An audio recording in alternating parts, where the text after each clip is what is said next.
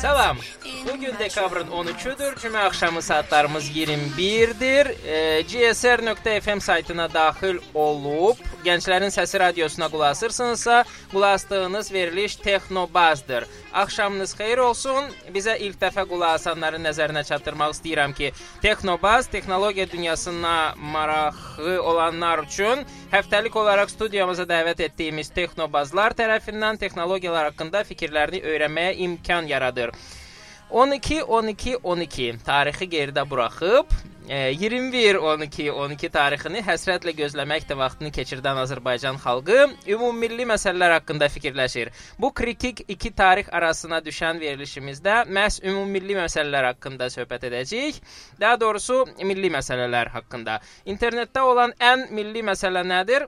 İki dənədir. Birincisi milli net, milli internet müsabiqəsidir. İkincisi isə milli domain, yəni ki, .az domainləri. Milli net mövzusunu biz gələn həftəyə saxlayaq. Ə, Beləliklə studiyada da mən Vahid və bu gün Texnobazda milli domenlər barədə danışacağıq. Bu məqsədlə studiyamıza e, milli adların arasında ən məşhur olan, ada sahib olan adamı dəvət etmişik. Qonağımız e, Rəşad Əliyevdir. Rəşad özünüzü təqdim edin zəhmət olmasa.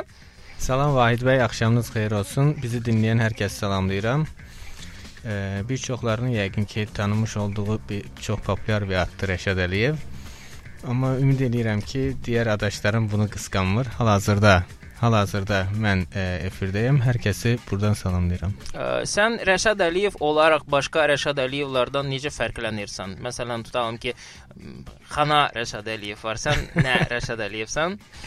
Mən e, belə deyim ki, E, dostlar arasında daha çox fərqlənmə e, bir-iki görmüş olduğum layihə adı ilə fərqlənir. Aha, onlar hansılardır? Onlardan e, evlənirik biz layihəsi var. Sən evlənirik biz Rəşad Əliyevsən. Çox gözəl.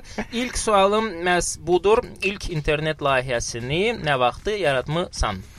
Bu təxminən təqabül eləyir ə, 99-cu ilə.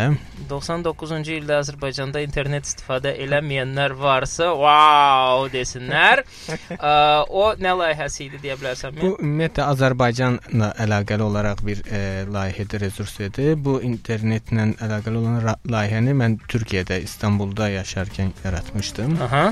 Və ilk Azərbaycan ə, necə deyirlər hərflərini belə desək Unicode-u dəstəkləyən saytlardan biri idi. Aha, o adı adı azəronline.net. .net. Ə, bəs niyə .az deyildi əgər bu Azərbaycanla əlaqədar bir layihə idisə? Onu belə izah eləmək istəyərdim ki, qısaca qısaca belə deyim ki, o vaxtda internet ümumiyyətlə Azərbaycanda heç yayılmamışdı və Hı -hı. xüsusilə bizdə e, Türkiyədə, xaricdə yaşayan bir insan kimi və orada oxuyan bir tələbə kimi, gənc kimi daha çox e, net e, com, org və s. bu kimi ünvanlardan və xüsusilə info o zaman çox populyar bir info, info çox populyar idi. Bunlardan info populyar olduğuna görə .net-i almışdın. Xeyr, info populyar olduğuna görə yox. Net ala bilmişdim belə. Hə, ə, az domenlərin qiyməti 99-cu ildə nə qədər idi, yadındadır? Yox, yalan deyirəm.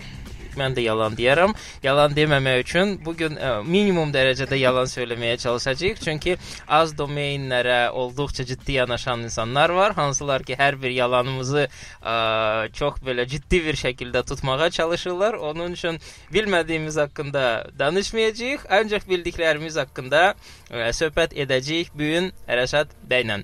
Rəşad bəy, ümumiyyətlə azla qurtaran ə, hər hansı bir layihəniz varmı? Var var. Ee, var var. Bu, bu ümumiyyətlə var var nöqtə az. Bəli, azla qurtaran layihələrimiz var.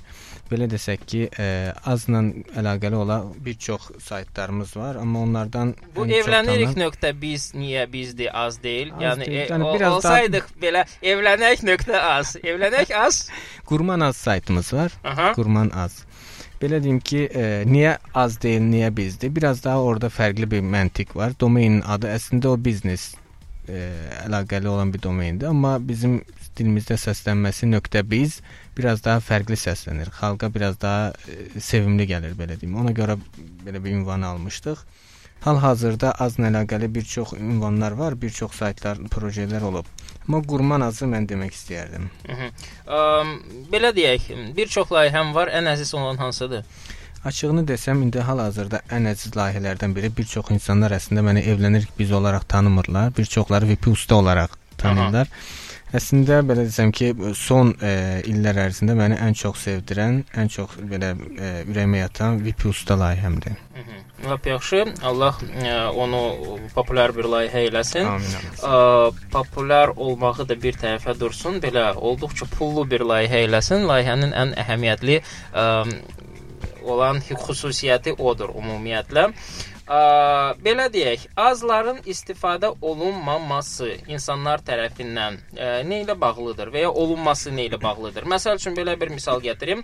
Ə, hal-hazırda çoxlu çoxlu ə, web saytlarının domenləri adətən .az-la qurtarır. Bəli. Bu nəyə bağlıdır?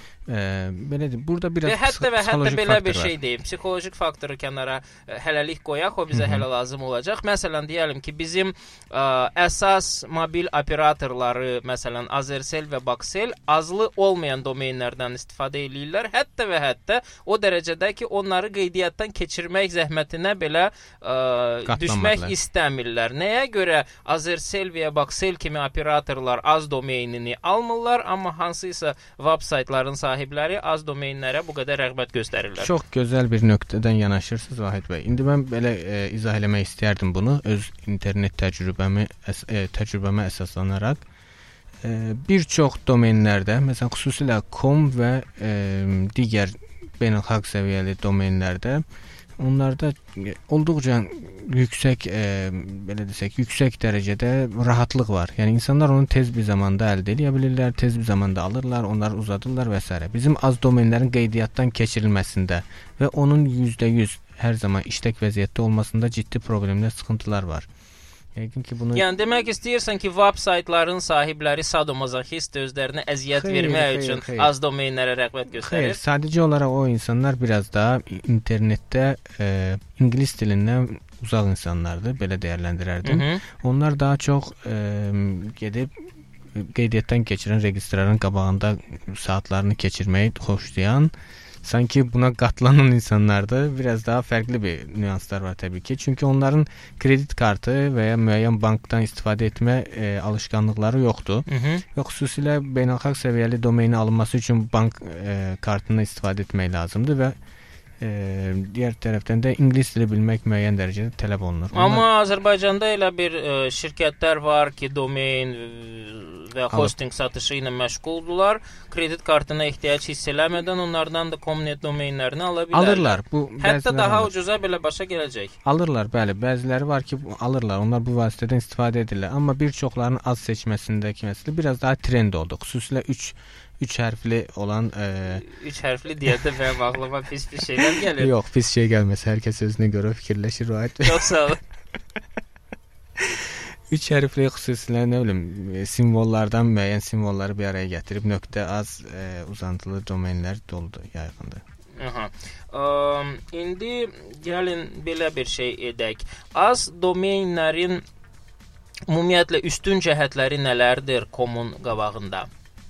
Varmı elə bir şey? Mənim gördüyüm əlbəttə var. Yəni məsələn təzə sayt açanlar ə, bəzən sual verirlər. Mən domeni azdan mı alım, komdan mı alım? Onlardan hansı mən, daha yaxşıdır? Mən o zaman belə cavab verirəm. Hər ikisini də almaq lazımdır. Yəni verdiyim cavabı əsaslandırmaq istəyirəm. Amma e, mənim cibimdə yalnız 40 manat pulum var. Yəni ki, kom almağa da çatar, az almağa da çatar. İkisini birdən almağa çatmır. İkisini birdən Neyniyim? almağa çatmırsa, o zaman mən fikirləşirəm yəni, ki, bəzi ə... insanlar bahalı şeylər almağı xoşlayırlar. Okay. Az mı alım 40 manata, yoxsa kom Xeyr, alım? Xeyr, indi orada ə, e, dəyərləndirilməsi gərəkən fərqli nüans var. Fikirləşək ki, bizim projemiz, layihəmiz sadəcə Azərbaycan ilə əlaqəli və xüsusilə ə, Azərbaycan internetinə, yəni Aznet-lə əlaqəli bir proje edirsə, Hı -hı. burada az domenin alınmağında fayda var deyə görürəm. Yəni hal-hazırda bilirsiniz ki, internetdə bunun açılmasında və ya ə, müəyyən dərəcədə bunun əl çatıla bilirliyində bir çətinlikdən daha çox bu domenlərin qeydiyyat prosesində və xüsusilə domenlərin daima məsələn NS-lərin dəyişdirilməsi kimi və s. müəyyən bir texniki şeylərdə o, o, çox çox çox texniki getdi. E, gəlin belə bir şey eləyək. Hmm, az domeyni almaq istəyirəm. Bəli. Məsələn, vahid.az. Mən nə etməliyəm? Hansı prosedurdan keçməliyəm? Hara müraciət Çox etməliyəm? gözəl. Siz az domeni almaq üçün xüsusilə bir e, müraciət etməlisiniz. Hara? E, bir Enti e, şirkətinə. Aha.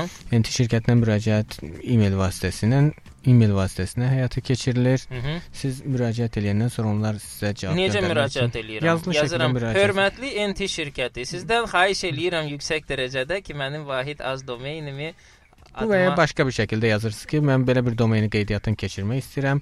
Yəni hal-hazırdakı proseduru mən e, anlatmağa Mən bilən heç də elə deyil. Yəni ki, e, xüsusilə niyə Domain bunu- almaq istəyirsinizsə nt.az saytına daxil olub, oradan qeydiyyat formasını download eləyirsiniz. Yalnız belə bir Onu var. qaydalara uyğun olaraq Doldurursunuz. Orada 20 neçə dənə maddə var. Ondan sonra o domain formasını domains@nt.az e, ünvanına Göndərirsiniz. göndərirsiniz. Yalnız- Ş- qaydalara uyğun doldurulmasa nə deyəcəklər?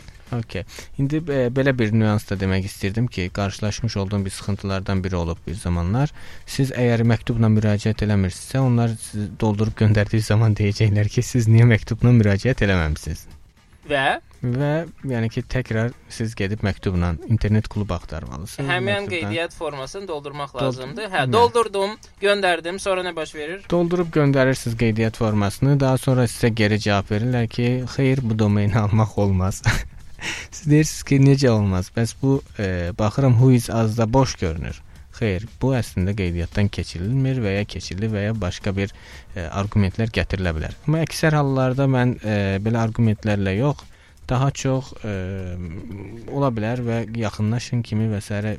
belə arqumentlərlə qarşılaşmışam və bunun özü də mənim üçün sıxıntılıdır. Məsələn, az domen almaq istəyən bir insan kimi mən işimi atıb şəhərin bir başından digər başına gəlib domeni qeydiyyatdan keçirmək mənim üçün sıxıntılıdır. Xüsusilə bugünkü probkalarda Dəhşət, həqiqətən dəhşət bir şeydir. Düşünün ki, rayonda yaşayan bir insanın qeydiyyatdan keçirməsi bunu yəni daha sıxıntılıdır. ə, indi mən vahid.az-ı almaq istəsəm onu ala biləcəm.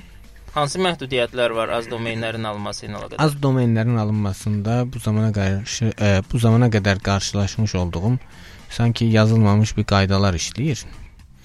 Mənim bilmədiyim, yazılmadığım bu qaydalar niyə əsasən olur? Ə, Bir məlumat vermək istəyirəm. Ə, Bayaq nu hardasa bir ay bundan əvvəl ə, bizim bir tədbirimiz olmuşdu və orada Intrans şirkətinin hansı ki .az domenlərin ə, texniki xatırlayıram.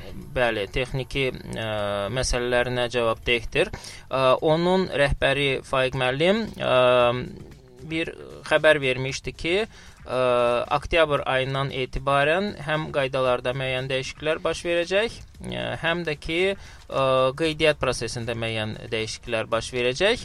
Ə, mən bildiyim qədər 1 oktyabrdan artıq yeni qaydalar ə, istifadə olunmağa başlayıb. O, onları düzdür harda görmək e, mümkündür. Həmin qaydaları mən bilmirəm. Hə, heç kimin xəbəri yoxdur. Ə, ona görə də ə, qaydaları öyrənmək istəyirsinizsə yəqin ki, ya NT şirkətinin özünə. Ə, Bu ara bir dənə sualım daha yarandı. NT şirkətindən başqa hər hansı bir yerdə ə, nöqtə azları qeydiyyatdan keçirmə imkanımız varmı? E, görünürdə belə bir neçə dəfə eşitmişəm açığı, yəni ki, müəyyən başqa firmalar, başqa şirkətlər adı eşitmişəm, amma bu vaxta qədər onların qeydiyyatdan keçirdiyinə şahid olmamışam. Yəni ki, Məsəl üçün nə eşitmisiniz? Hansı versiyalar Pinky var? Continental eşitmişəm. Pinky Be- Continental deyilən şirkət bu dəqiqə varmı yoxmu bilmirəm. Onun adı Extra Webdir.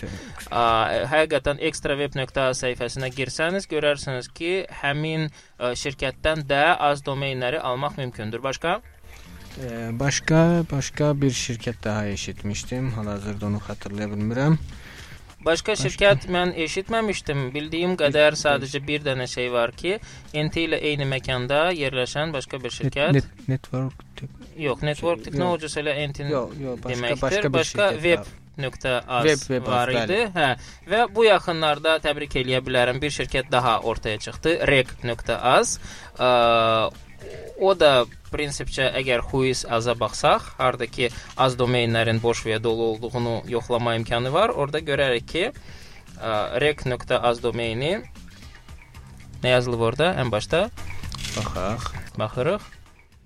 Az MMC, domain expired. Domain expired. Yəni az domainlərin satışı ilə məşğul olan domain ə, expireddir. Hə, yox, çalışır. Sadəcə və sairə ya pulunu ödəməyiblər, ya da ki vaxtını keçirdiblər.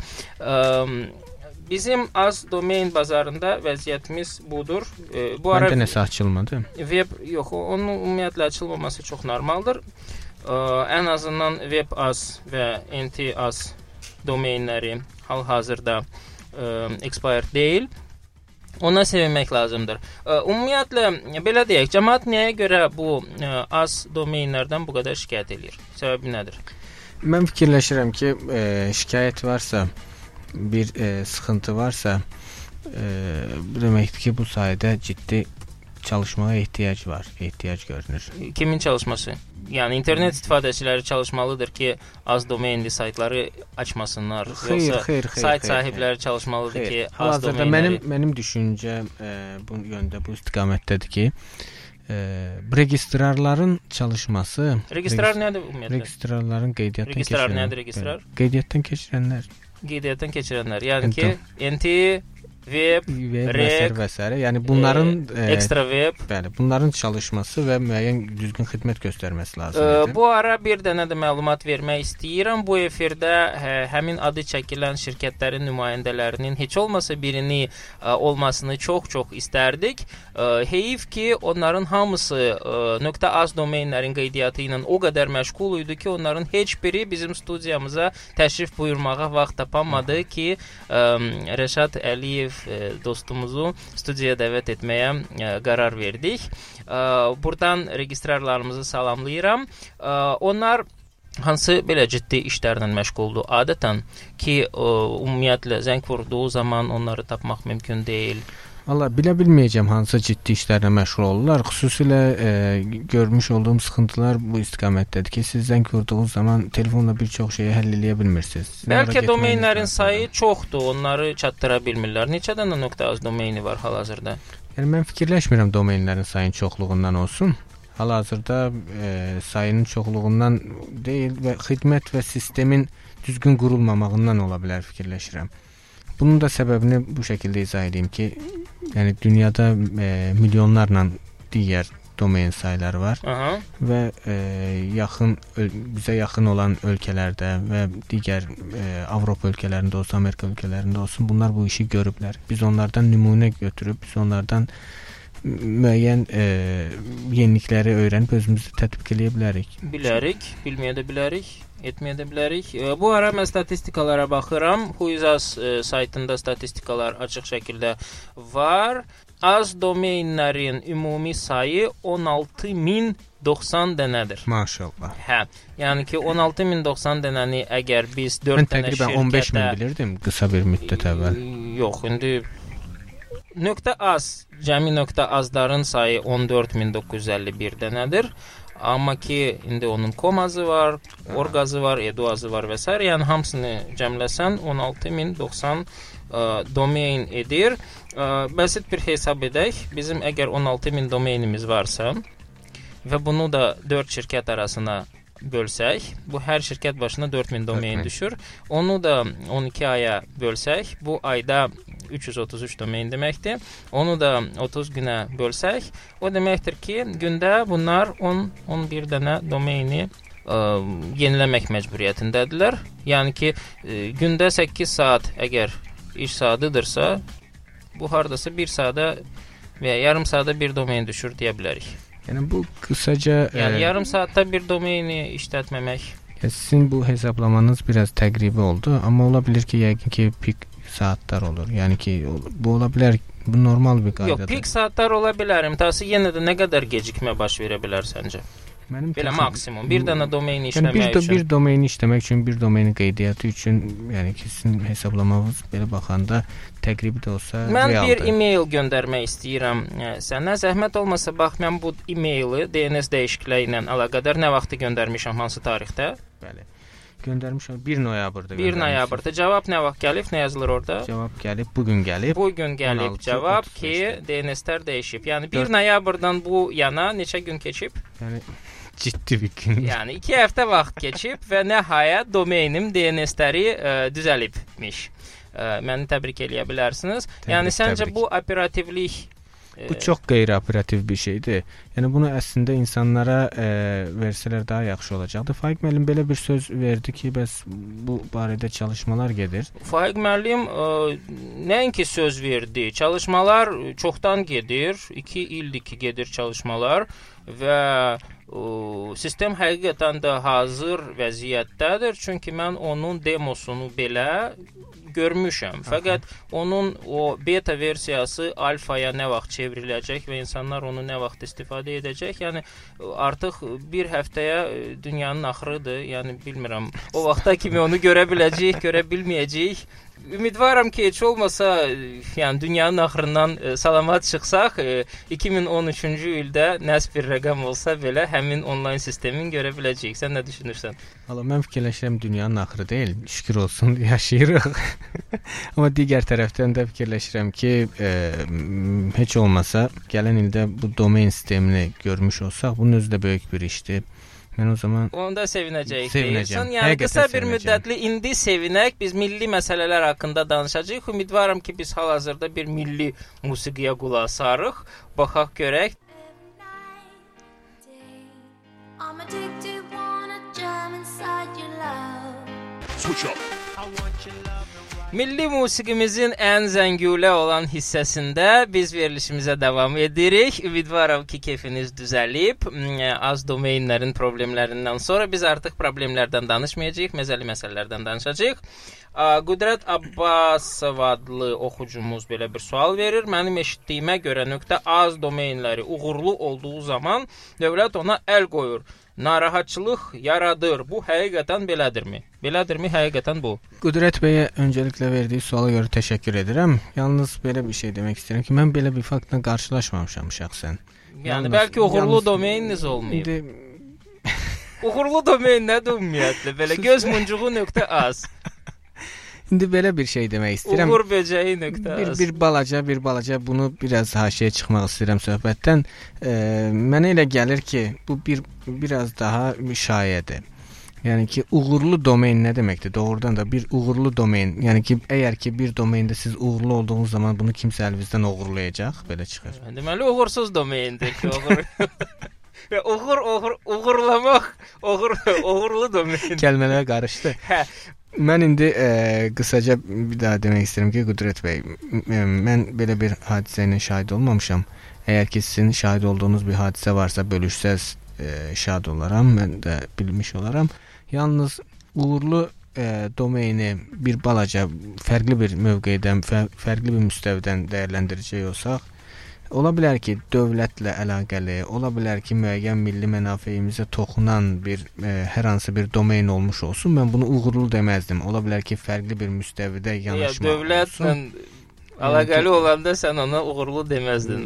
Xeyr, uğurlu deyirəm. Sadəcə olaraq ola bilsin ki, orada e, dövlət əleyhinə aparılan bir propaganda olsun və ya xarici güclərin hər hansı bir e, müəyyən bir fəaliyyətləri olmuş olsun. Bu səfər müəyyən orqanlar vasitəsilə bu dəyərləndirilir. Amma bu domaindir, internetdə olan bir şeydir. Yəni ki, internet saytlara bütün dünyadan istifadə edirlər. Buna məhdudiyyət qoymaq nə dərəcədə düzgündür? Buna məhdudiyyət məhkəmə e, qərarı e, olduqdan sonra olur ki, bu beynəlxalq təcrübədə də var Vahid bəy.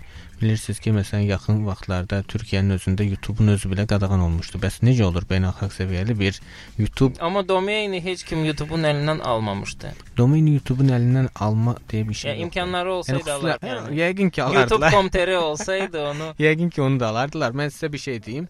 Amma bəlkə- ki bu mülkiyyət hüququdur. Mən Mülkiyyət pulunu hüququnu kimsə- vermişəm, Azərbaycanda onu belə bir almışam. hadisə olmadı axı. Yəni kimsə deyə bilməz ki, Azərbaycanda kimsə onun əlindən domain aldı. Mən belə bir hadisənin şahid olmamışam. Deyəz. Varsa, deyil. Kimsə aldı. Valla mən bilən hə, Mən bildiyimə görə bəlkə də öz özü bağışladı. bilmək olmaz. Hə. E, yaxşı. Onda e, belə deyək, e, az domainlər ətrafında doğru olan problemlər və onunla əlaqədar şərhlərlə bir yerdə e, çoxlu-çoxlu şayələr də dolaşır. Bu bu bir həqiqətdir. Az domeynlərin nağılları adlı kitabda buraxmaq mümkündür. İnsanlar bu cür nağılları danışmaqdan bilmirəm həzz alırlar və Faiq müəllimi də əsəbləşdirirlər bundan əlaqədar.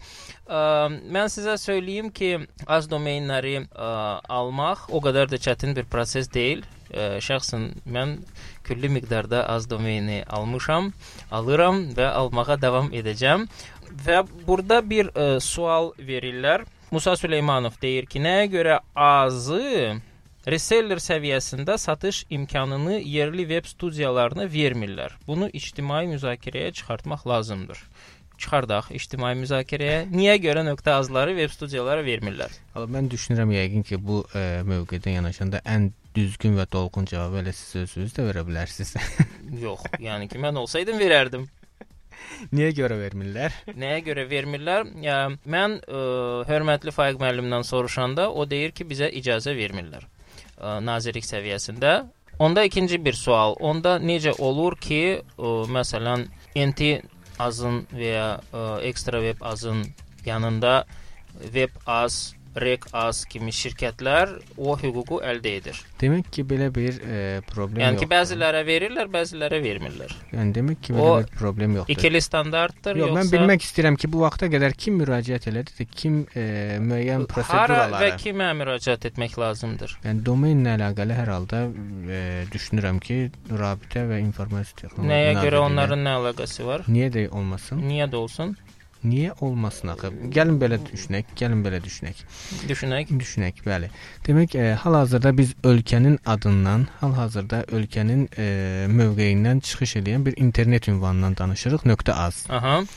e, bizim ölkəni elektron olaraq bütün fəaliyyətlərini əlaqələndirən Rabitə və İnformasiya Texnologiyaları Nazirliyinin heç olmasa, heç olmasa e, iştirak etmiş olduğu bir cəmiyyət olması lazımdır ki, müstəqil İştirak dövlətdən uzaq başqa, dur- bir dəqiqə, bir dəqiqə. şey Yəni hal-hazırda, hal-hazırda bu e, qanunda necə tənzimlə, tənzimlənib bilmirəm. Aa. Yalnız mən belə demək istərdim ki, kənardan dəyərləndirəndə mütləq surətdə, mütləq surətdə ictimai cəmiyyətlərin də iştirak eləmiş olduğu və e, dövlət orqanlarının da iştirak eləmiş olduğu şəffaf bir e, struktur buna nəzarət etməlidir. Bəli, nazirliyin kifayət qədər şəffaf olduğunu düşünürsən? Hansı bir nazirlikdən gedir söhbət? Yəni Rabitə İnformasiya Texnologiyaları Nazirliyindən.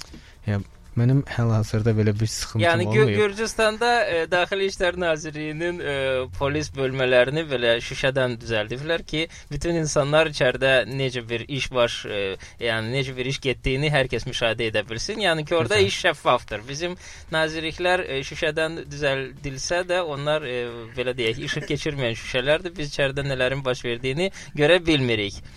Ə, onun üçün şəffaflıq bir balaca burada e, şübhə altına Yəni, düşür. mən düşünmürəm ki, şəffaflığı işıq keçirməklə e, müqayisə eləmək lazımdır. Mən fikirləşirəm ki, şəffaflığı görülən işlər və ərsəyə gətirilən nəticələrlə müqayisə eləmək daha düzgün olardı. Hı -hı. Daha dolğun bir nəticə çıxardı ortaya. Hansı Hal-hazırdakı siz mən sizə deyim, dərəcədə şəffaf bir mən, şəkildə- mən sizə bir şey deyim. deyən T ə, təbii ki, məsələn, bugünkü gündə ə, heç kim deyə bilməz ki, hər şey %100 yaxşıdır, %100 pisdir, amma bun, bununla əlaqəli olaraq hal-hazırda atılan addımlar, bununla əlaqəli olaraq ə, göstərilən səylər və müəyyən nəticələr daima gün keçdikcə bunun yaxşılaşmağının xəbərçisidir. Məsələn, məsələn, Hal-hazırda Milli Net internet Hı -hı. mükafatından deyim ki, qısaca ə, fikir verdikdə, baxdıqda orada kifayət qədər az domenlərinin artdığının şahidi olmaq olur. Hı -hı.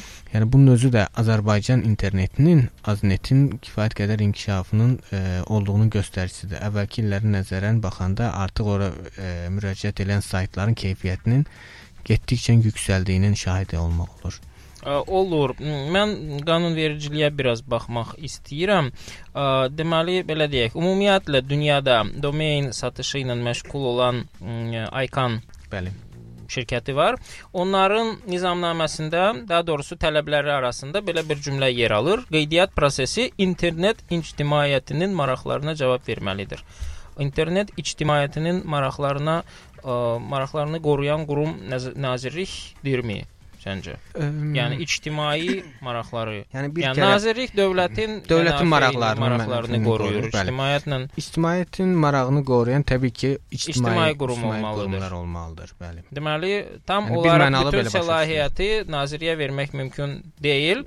Eyni zamanda Azərbaycan Respublikası Telekommunikasiyalar haqqında qanun var. Orada yazılır ki, ölkə kodlu domen adlarının qeydiyyatı, istifadəsi qaydaları beynəlxalq normalara uyğun olaraq müvafiq icra hakimiyyəti orqanı bu nazirlik ola bilər və aidiyyatı qurumların birgə iştirakı ilə tənzimlənir. Yəni aidiyyatı qurumlar yəqin ki, həmin internet ictimaiyyətini təmsil edən qurumlar olmalıdır hər halda. Ə, Belə bir qurum bu dəqiqə yoxdur. Onun üçün web studiyalar registrar adını almaq üçün müraciət etməyə ə, yer tapamırlar və ona görə də buna müvafiq olaraq ə, onlara elə bir hüquq verilmir. Yəni mənə elə gəlir ki, Musa Süleymanovun ə, cavabını vermiş olduq nəyə görə. Amma yəni ki, bu həqiqətən də ictimai müzakirəyə çıxarılası məsələdir. Ə. Bu çox çətin məsələlərdir. Bu məsələlərdən bir qədər uzaqlaşsaq yaxşı olar. Ə, Və ə, biraz daha asan bir şey soruşmaq istəyirəm. Buyurun. Bu az domenləri ümumiyyətlə texniki olaraq fikirləşəsi olsaq, yəni bunlar .az 2 dənə hərfdir, .com 3 dənə hərfdir. Yəni 2 hərfli azın 3 nöqtə 3 hərfli comun qabağında müəyyən bir üstünlüyü varmı? Xatırlayırsınız verilişin əvvəlində belə bir e, nöqtəyə toxunmuşduq ki, yəni kom və azın fərqi olaraq, yəni ki, yayğınlığı və Yox, məhz texniki olaraq. Məsəl üçün mənim saytım az olsa və mənim saytım com olsa, Google hansını daha yaxşı görəcək? Məsələn, az A ilə başlayır, com C ilə başlayır. Yəni az daha Ya qabaqda burada çıxar yoxsa ki, com? Google-un Google-un axtarış məntiqi, Google-un e, saytları tapma e, məntiqi daha ön plana çıxır. Yəni ki, burada mən e, sizə deyərdim ki, Yəni biraz daha 99-cu ildən bəri sayt yaradan insansan. Məsələn, yəni sizə ki, bir şey Google deyim ki- məntiqini hələ də tutmamısan. Yox, mən sizə əlbəttə tutmuşam. mən sizə mən sizə belə bir şey deyim ki, yəni location olaraq hal-hazırda Azərbaycandan daxil olan, Azərbaycanda yaradılan və Azərbaycana istifadə e, olunan proyeklərin e, Google tərəfindən daha üstünlük verilməsi söhbəti var və digər tərəfdən belə bir məsələ də var ki, təbii ki, Google baxmayaraq ki, Azərbaycandan yaradılıb, Azərbaycanda qoşulub, buna baxmır. Google digər tərəfdən onun saytın əhəmiyyətinə, keyfiyyətinə, onun kontentinə, nə bilim, min bir dənə müəyyən dəyərləndirmələrinə əhəmiyyət verir. Yəni domenin heç bir əhəmiyyəti yoxdur, eləmi? Prinsip etibarilə hal-hazırda bir e, proyenin, bir saytın müqayisəsinə baxanda hal-hazırda görüləcək qədər əhəmiyyəti qalmır. Google-dan söhbət açılmışkən, ə, Huizaza baxdım google.az domeninə. Burada yazılıb ki, google.az Google Incorporation ə, adına alınıb. Bəli. Mountain View, Amphitheater Parkway və s. və laxır. Yəni görünür ki, bunu alan o, Amerikadakı bir şirkətdir, telefon nömrələrindən və s. Yəni görəsən bunu almaq üçün onlar Necə adamı göndəriblər Azərbaycana, göndəriblər rek formanı, ondan sonra NT-yə Mən düşünmürəm, elə eləmədilər. Manatı ilə 40 manat ödəyiblər. Xeyr, Bəs necə? E, bir neçədən internetdə siz axtarış versəz, belə şahid olarsınız ki, bir neçə dənə e, müəyyən saytlar var ki, az Hı. az domenini satırlar. Bəli. Bunlar təbii ki, bunun fərqli-fərqli qiymətlərdir. Bəzisi bir e, xatır səhv xatırlamıramsa 300 təqribən 300-dən və 600 e, dollar arasında qiymətləri dəyişirdi. Bir zamanlar daha baha idi bu. Aha. E, hal-hazırda bu aralıqlarda idi mən səhv xatırlamıramsa və onlar e, hansı e, yolla, necə, hansı vasitə ilə bunu qeydiyyatdan keçirdirlər, açığı mənə tam aydın deyil, amma mən düşünürəm burada faksın və müəyyən skan olmuş sənədlərin e-mailinə göndərilməsi və s. e, faktoru yəqin ki, rol oynayır. Yəni ki, fikirləşirsən ki, kimsə onlayn 300 dollar ödəyərək domeyni az domeyni Xeyr, almaq burada istəsə, bilirsiniz belədir. Mən sizə deyim, e, onu qeydiyyatdan keçirdən o aracı e, qurum şirkət ki var. Məsələn, xaricdə tutaq ki, məsələn, tutaq ki, siz müraciət edirsiniz hər hansı bir e, xarici beynəlxalq bir sayta, onlar az domenini qeydiyyatdan keçirir və digər məsələn bəzi ölkələrin də domenini qeydiyyatdan keçirmə səlahiyyəti əldə edib. Onlar e, qarşılıqlı razılıq əsasında yəqin ki, hər hansı bir metoddan istifadə edirlər, amma orada bir panelin və ya bir e, qeydiyyat yöntəminin olduğunu zənn etmirəm. Çünki bu illər əvvəlindən var. Yəni indi Mən bu- Google DNS-lərini dəyişdirmək istəsə və NT-nin də vaxtı olmasa, Google-da DNS-lərin dəyişməsi üçün 14 gün gözləyəsi olacaq səncə? Mən fikirləşirəm ki, xeyr. Mən fikirləşirəm ki, xeyr. Deməli Yəqin Google-un daydayı güclüdür ki, onun Google-un adı, adı sorğusunu tez güclüdür. cavablandıracaqlar. Google-un adı güclüdür.